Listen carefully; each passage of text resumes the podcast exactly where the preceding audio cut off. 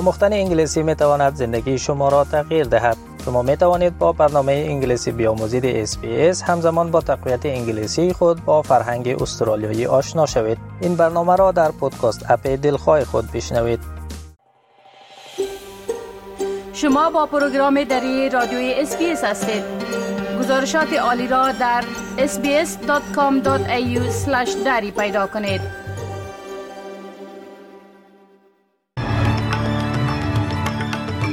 با عرض سلام ما صاحب شکیب شما را به شنیدن اخبار امروز سی ماه نوامبر سال 2023 دعوت می کنم. پلیس پاکستان از روز پنجشنبه دستگیری مهاجرین فاقد مدارک اقامت را آغاز کرده است.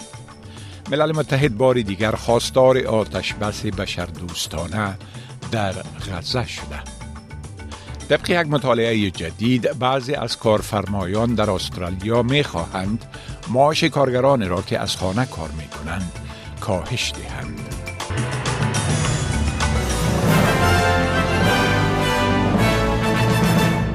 تفصیل اخبار گزارش ها می‌گویند که با پایان یافتن ضرب الجل حکومت پاکستان برای خروج داوطلبانه مهاجرین فاقد مدرک اقامت از آن کشور پلیس بعد دستگیری مهاجرین و پناهجویان افغان در شهرهای مختلف آغاز کرده است گفته می شود که شمار از مردم پس از دستگیری به مراکز اخراج اجباری برده شدند.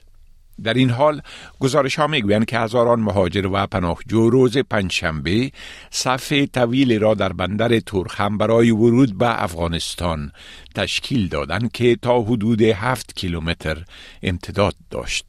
طبق یک گزارش بی بی سی مقامات پاکستانی گفتند که بیش از 165 هزار افغان در یک ماه گذشته از پاکستان خارج شدند. اکثر آنها با نزدیک شدن مهلت تعیین شده حکومت پاکستان با کوچ و بارشان به مرزها هجوم بردند. کارشناسان سازمان ملل متحد بار دیگر خواستار آتش بس بشر دوستانه در غزه شده و گفتند که زمان برای فلسطینی هایی که به گفته آنها در خطر بزرگ نسل کشی قرار دارند رو به اتمام است. با گفته وزارت صحت غزه که توسط حماس اداره می شود تعداد مردمی که در آن ناحیه کشته شدهاند اکنون به بیش از 9000 نفر رسیده که اکثریت آنها را زنان و کودکان تشکیل می دهند. اسرائیل می‌گوید که با حملاتش غیر نظامیان را نه بلکه حماس را هدف قرار می دهد و این گروه را به استفاده از غیر نظامیان به حیث سپر متهم می کند. پدرو آرجو گود گزارشگر خاص ملل متحد در مورد حق آب آشامیدنی پاک و صحت می‌گوید که مردم غزه از اصلی ترین عناصر برای زندگی محروم شدند. We are, as we are using the, the, the, the term risk of genocide because uh, there is uh, the process that is in the way is uh, absolutely indiscriminate, uh, affecting, in this case, more than 2 million people. ریچارد مالز وزیر دفاع استرالیا در دیدارش با لوید آستن وزیر دفاع ایالات متحده امریکا در پنتاگون در مورد تعمیق همکاری های دفاعی بین دو کشور از طریق همکاری در تکنولوژی دفاعی ابتکارات موضع نیروها و مشارکتشان در پیمان آکس با بریتانیا تاکید کردند. ایالات متحده همچنان روند تحویلدهی هلیکوپترهای جدید به استرالیا را پس از آن که یک سانحه مرگبار استفاده از هلیکوپترهای تایپان را برای همیشه متوقف ساخت سرعت خواهد بخشید. اما سرعت تسلیم دیهی آنها به پیمانه نخواهد بود تا بتوانند در فصل آفات طبیعی تابستانی آینده نقش ایفا کنند. آقای مارلز می‌گوید این سفر او به ایالات متحده بسیار موفق بوده است.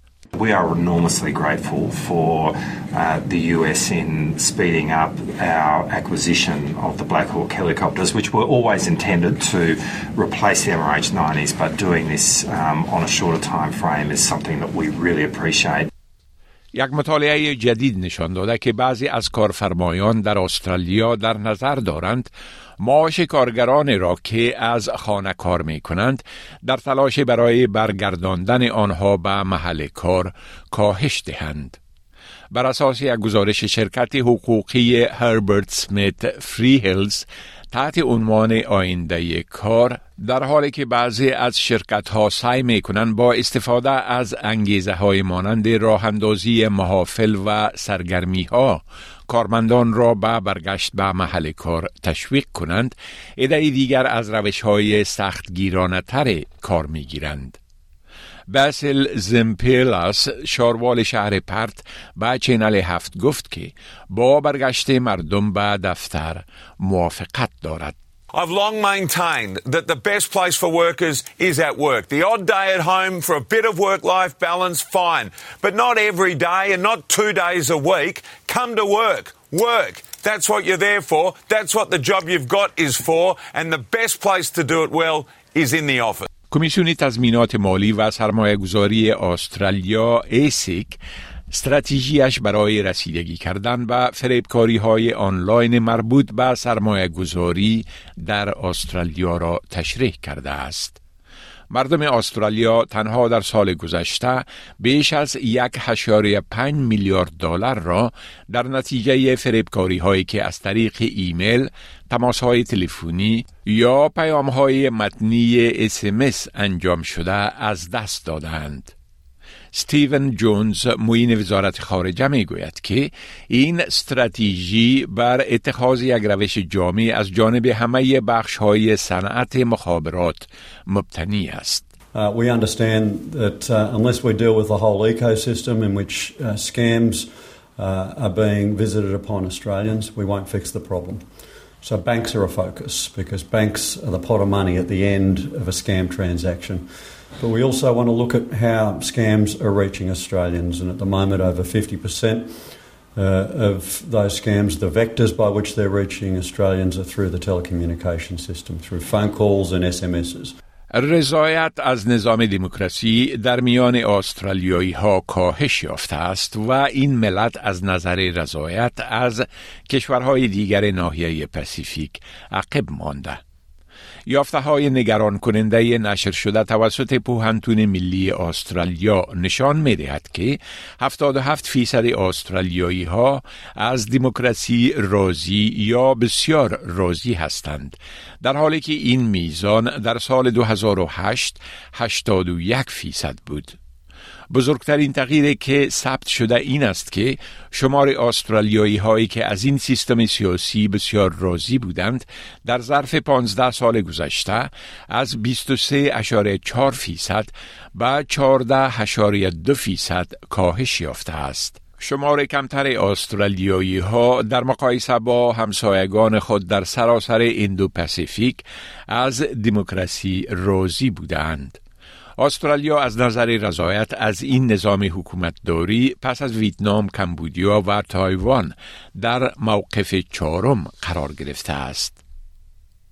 انالنا بوک وزیر امور خارجه آلمان می‌گوید مطمئن است که اتحادیه اروپا تلاش اوکراین برای پیوستن به این اتحادیه را در نشست آینده خود مطرح خواهد ساخت.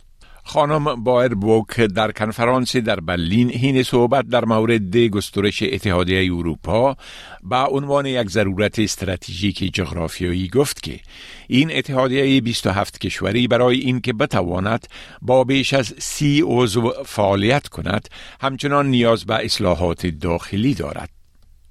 خانم بایربوک می‌گوید که توسعه گام به گام این اتحادیه باید همراه با اصلاحات انجام شود تا از رشد بیشتر نهادهای مرکزی اتحادیه اروپا جلوگیری شود و استفاده از ویتوی ملی کاهش بیابد. We've now reached a consensus in the EU that we must enlarge our EU. This is the geopolitical consequence of Russia's war of aggression on Ukraine. But an enlarged EU will only be stronger if we do what we've long hesitated to do overhaul the way our union works. قرار است رهبران اتحادیه اروپا در نشست در 14 و 15 دسامبر تصمیم بگیرند که آیا مذاکرات رسمی در مورد عضویت اوکراین با آن کشور آغاز شود یا نه. پایان گزارش رویدادهای اخیر ملی و بین المللی از برنامه دری رادیوی اسپیس.